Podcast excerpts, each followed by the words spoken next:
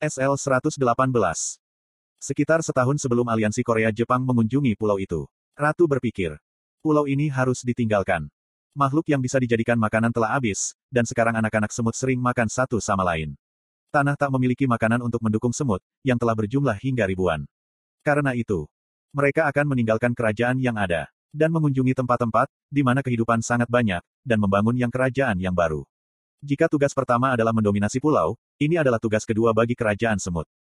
Tapi, Ratu mengingat sesuatu. Ada penyusup kuat yang telah menginjakan kaki di pulau itu beberapa kali. Meskipun mereka berhasil mengalahkan para penyusup, kerajaan itu juga rusak parah. Anak-anak yang tak terhitung jumlahnya dikorbankan dalam pertarungan. Apakah mereka bisa mengalahkan mereka di tanah lain juga? Prajurit yang lebih kuat. Mereka membutuhkan prajurit terkuat, untuk memimpin kerajaan semut. Maka sang ratu memutuskan membuat jalan evolusi. Dan setengah tahun sejak itu, dia mengumpulkan semua mana yang ia miliki, dan makanan yang ia konsumsi. Kemudian, dia melahirkan kehidupan baru. Senjata tempur terkuat yang lahir hanya untuk melawan orang kuat. Komitmen ratu untuk membuat prajurit yang kuat, dikombinasikan dengan tujuan awal untuk menghancurkan semua manusia. Maka, menciptakan monster mengerikan yang melampaui akal sehat. Skill alami monster adalah predation. Skill itu bisa membuat monster memperoleh sihir dan pengetahuan yang dimiliki oleh target, hanya dengan memakannya. Aku ingin menjadi lebih kuat. Monster itu yang menyadari kemampuannya, bahkan mulai memakan bangsanya sendiri, tapi sang ratu tak menghukumnya. Karena apa yang diinginkan monster itu, dan apa yang diinginkan ratu sama. Sang ratu senang melihat ciptaannya semakin kuat hari demi hari. Prajurit baru juga dipersiapkan dengan baik, untuk dipimpin oleh dia, yang telah sepenuhnya melampaui dirinya. Sekarang tinggal sedikit lagi. Sementara itu, lagi-lagi ada sejumlah penyusup di darat. Petik 1. Penyusup kali ini lebih sedikit, tapi jauh lebih kuat dari sebelumnya. Tapi sang ratu tertawa. Itu adalah kesempatan untuk memeriksa kekuatan, dia, sebelum bertarung dengan manusia di tanah lain. Sang ratu mengirim, dia keluar, bersama semua penjaga kerajaan. Dia, semut mutasi. Dia menyelesaikan misi pertamanya untuk dirinya sendiri, sesuai dengan keinginan sang ratu. Tapi pada saat dia kembali, sang ratu sudah mati. Dia marah. Dan untungnya, masih ada banyak pria kuat di pulau itu, yang akan menjadi sasaran kemarahannya. Mari kita mulai dengan Raja Manusia. Dan kemudian, menangani mereka yang berada di samping raja. Pada saat itu, salah satu bawahan raja itu berteriak sebelum mati. Siapa kamu? Dan, dia, berpikir untuk memperoleh kemampuan untuk berbicara, dan berpikir manusia dengan skill, prediction-nya. Aku ini apa? Sebelum mendapatkan pikiran manusia, dia hanyalah senjata milik ratu. Tapi apa yang harus dia lakukan, pada dirinya sekarang? Setelah ratu terbunuh oleh manusia, dia sekarang satu-satunya makhluk yang bisa memimpin para prajurit kerajaan. Dia hanya tahu satu kata yang bisa menggambarkan keberadaan seperti itu. Raja. Sekarang aku telah membunuh raja musuh, dan aku memiliki hak untuk menjadi raja. Cop. Semut mutasi menggigit kepala manusia terakhir. Tapi kemudian, tiba-tiba, semut mutasi menengok ke arah istana kerajaan. Aura besar yang seperti badai, muncul dari tempat sang ratu terbunuh. Itu bukan kekuatan yang bisa dimiliki oleh seorang prajurit. Raja. Secara sadar menyadari musuh yang mengancamnya, semut mutasi perlahan-lahan membawa dirinya ke arah istana kerajaan. Apa ini? Ruang stasiun penyiaran yang penuh kegembiraan, saat ini dipenuhi suasan suram. Setelah munculnya semut bersayap itu, protes dari para penonton dan panggilan telepon, untuk pertanyaan itu bermunculan. Bip, bip, bip, bip, bip. Karyawan yang mendekati direktur, melaporkannya dengan cermat. Direktur, kita akan lumpuh, oleh panggilan telepon dari pemirsa. Direktur mengangkat kepalanya. Terus, kamu ingin aku melakukan siaran langsung di seluruh negeri, di mana semut kecil merobek-robek hunter kita. Ah, tidak. Siaran terputus di sebuah adegan, di mana para hunter dipukul secara sepihak oleh semut. Dan para penonton penasaran. Tapi, tak mungkin untuk menyiarkan adegan, di mana Madonguk disiksa dan di mana Heller Min Byunggu dimakan. Direktur membenamkan wajahnya di tangannya dan mengerang. Sudah berakhir. Ini sudah berakhir. Perjudian yang telah mempertaruhkan nasib perusahaan penyiarannya, dirusak oleh seekor semut. Ini sudah berakhir. Ada keheningan berat di ruangan. Tak ada yang bisa membuka mulutnya sama sekali. Tapi kemudian, apa? Karyawan yang sedang memonitor video asli, yang sedari tadi terdiam dengan wajah hitam. Kini membuka mulutnya. D. Direktur. Ada apa? Ada seseorang yang datang di tempat kejadian sekarang. Direktur berkata, tanpa mengangkat tangannya yang menyembunyikan wajahnya. Kamu tak harus melaporkan setiap kejadian apa pun saat ini. Tapi, semua sudah berakhir.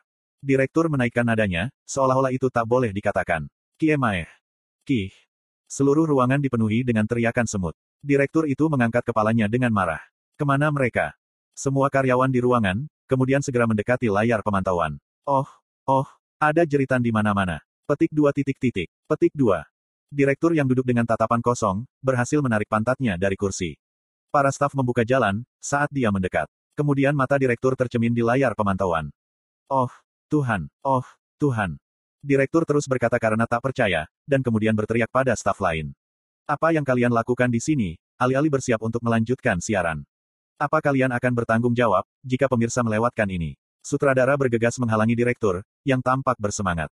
Direktur, jika kita memulai siaran lagi, itu benar-benar hidup. Ini akan menjadi siaran langsung tanpa penundaan. Aku tak bisa menangani keadaan darurat seperti ini. Penundaan siaran 10 menit sudah berakhir.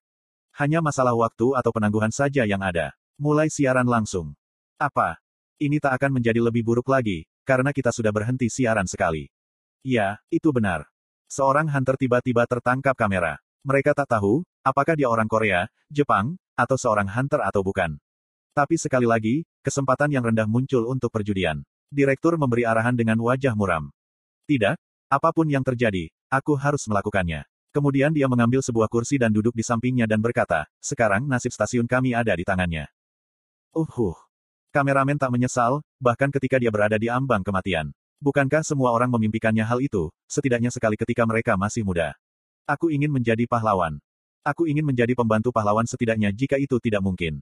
Bahkan ketika dia bertanggung jawab atas semua tugas di stasiun penyiaran, dia tak berpikir dia akan memiliki kesempatan itu. Dan kemudian, dia menjadi hunter areng, dan membangun karir yang menyamai rengnya. Dan akhirnya, sampai pada titik ini. Berkat ini, kameramen dapat menangkap gambar hunter yang sedang berburu bos Guides S-Rank. Itulah yang aku ambil. Banyak orang akan mengetahui jika semut dihancurkan dengan serangan hunter S-Rank. Itu sudah cukup. Semua upayaku untuk mempelajari kamera dan bertindak sebagai hunter akan dihargai. Satu-satunya hal yang tersisa yang dia inginkan adalah ayah. Seorang ayah yang merawat ibunya dengan kanker dan merawat dirinya sendiri. Hatinya hancur, karena dia tak akan pernah bisa melihat ayahnya lagi. Com. Kameramen digigit di bahu oleh semut, tapi dia tak bisa merasakannya. Sudah lama sejak lengannya berhenti bergerak. Dia sudah berhasil sejauh ini dengan menjadi tanker, tapi ini sudah batasannya. Slap. Dia berlutut. Sementara itu, yang bisa dia pikirkan hanyalah ayahnya. Seperti apa, percakapan terakhirku dengan ayah saat makan. Jika aku tahu ini akan terjadi, aku akan berbicara sedikit lagi. Hari itu, dia hanya akan membatalkan janjinya, ketika ayahnya datang ke Seoul. Tapi waktu selalu berjalan dengan cepat, dan penyesalan akan datang terlambat. Sang kameramen mendongak. Gigi mengerikan semut itu muncul di kepalanya. Tak ada cara untuk menahan serangan penyerang ketika kekuatan sihirnya habis. Air mata terbentuk di matanya. Ayah, maafkan aku. Kemudian, Bang! Cairan tubuh semut muncul di wajah kameramen. Hah! Pisau perak dingin menembus kepala semut. Ketika dia melihat ke atas, di sana ada seekor semut dengan hiasan merah panjang di kepalanya. Bagaimana bisa semut membunuh semut? Tidak, itu bukan semut. Itu lebih hitam dan lebih kecil. Seorang prajurit tak dikenal yang bersenjata dengan armor hitam mencabut pedangnya. Stab! Semut yang kepalanya ditembus, jatuh. Bagaimana ini?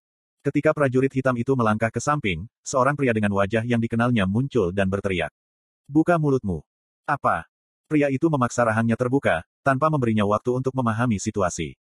Dan kemudian, dia menuangkan cairan yang tak dikenal. Gul, gul.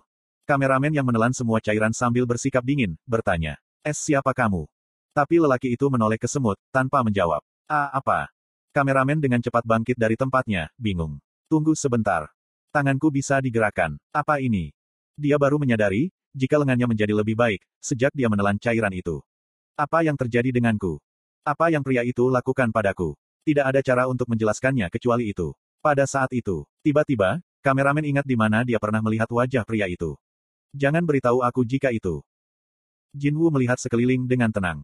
Petik satu titik titik petik satu. Suatu hari, ketika dia bertemu anggota tim Korea di Hunter Gym, dia telah menyembunyikan Shadow Army di bayangan baik untuk berjaga-jaga.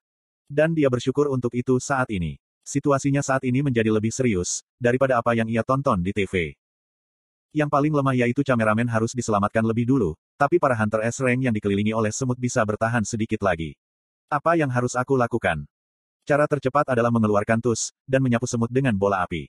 Tapi, itu tak bisa menjamin keselamatan Hunter S-Rank. Jadi dia membutuhkan cara lain. Jinwu yang sampai pada kesimpulan cepat, memilih ke Iron. Iron. Iron menepuk dadanya, seolah-olah mengerti. Pria itu berjalan ke depan, mengguncang tubuhnya, mengembungkan dadanya, dan mengeluarkan raungan. Wah! Asteris ding, asteris. Iron menggunakan skill, Sword of Provocation. Efeknya luar biasa. Semua semut yang menyerang para hunter, langsung menoleh ke arah Iron. Dan segera mereka mendekatinya. Yosh. Jinwu menepuk punggung Iron, dan memanggil dagger kembar yang ia dapatkan, setelah dia membunuh Raja Iblis. Devil King's Dagger. Dagger biru berkilau, di bawah cahaya sihir yang samar. Ayeh. Kih. Ratusan semut menjerit dan bergegas masuk, gelombang itu menghitamkan penglihatan Jinwu. Wash. Tangan Jinwu memegang dagger terbalik. Dan segera, sosok Jinwu menghilang. Kih. Segera, monster semut dan Shadow Army mulai bertemu dan bertarung. Sementara itu, baik Yunho dan para hunter lainnya yang terluka, bergerak ke sudut. Untungnya, semua orang masih bernafas. Kameramen yang bergabung dengan grup juga membantu baik Yunho. Jinwu dapat bertarung dengan santai saat ini, karena Iron sudah menarik semua perhatian musuh. Huhuhuhuhu. Sambil bernapas keras di dinding, Madonguk memegang lengan Baik Yunho yang memindahkannya ke tempat itu. Dan, dia bertanya, apa yang terjadi? Siapa yang bertarung sekarang? Mata Madonguk terfokus pada tempat lain. Matanya terluka, dan dia tak bisa melihat dengan baik. Baik Yunho meletakkan tangannya di tangan Madonguk. Ma, tak apa-apa sekarang. Semua akan baik-baik saja sekarang. Petik dua petik dua. Lalu, dia memandang Jinwu. Madonguk tak mengenal orang yang sedang bertarung, tapi baik Yunho telah menebak sampai batas tertentu, siapa orangnya. Berapa banyak kekuatan yang dimiliki Sung Jinwu. Tiba-tiba muncul membawa pasukan armor hitam, saat itu baik Yunho yang melihat Jinwu muncul di depan matanya. Walau sangat malu, tapi dia berteriak dalam dirinya. Tolong bantu aku. Dan dia lega, melihat gerakan semut bersama dengan tentara hitam yang dipanggil Jinwu. Dan tentu saja, Sung Jinwu membunuh semut yang telah bergerak sangat cepat, seperti boneka mainan. Kie. Ceritan semut terdengar di mana-mana. Baik Yunho menghela nafas lega. Tak apa-apa sekarang. Kita selamat Madongu. Itulah yang dia katakan pada dirinya sendiri. Harapannya dihidupkan kembali. Bantuan Sung Jinwoo tampaknya lebih dapat diandalkan, daripada lebih dari 20 Hunter S rank milik Jepang. Aku mungkin tak punya tempat di sini. Baik Yunho duduk di sebelah Ma Dongwook sambil tersenyum.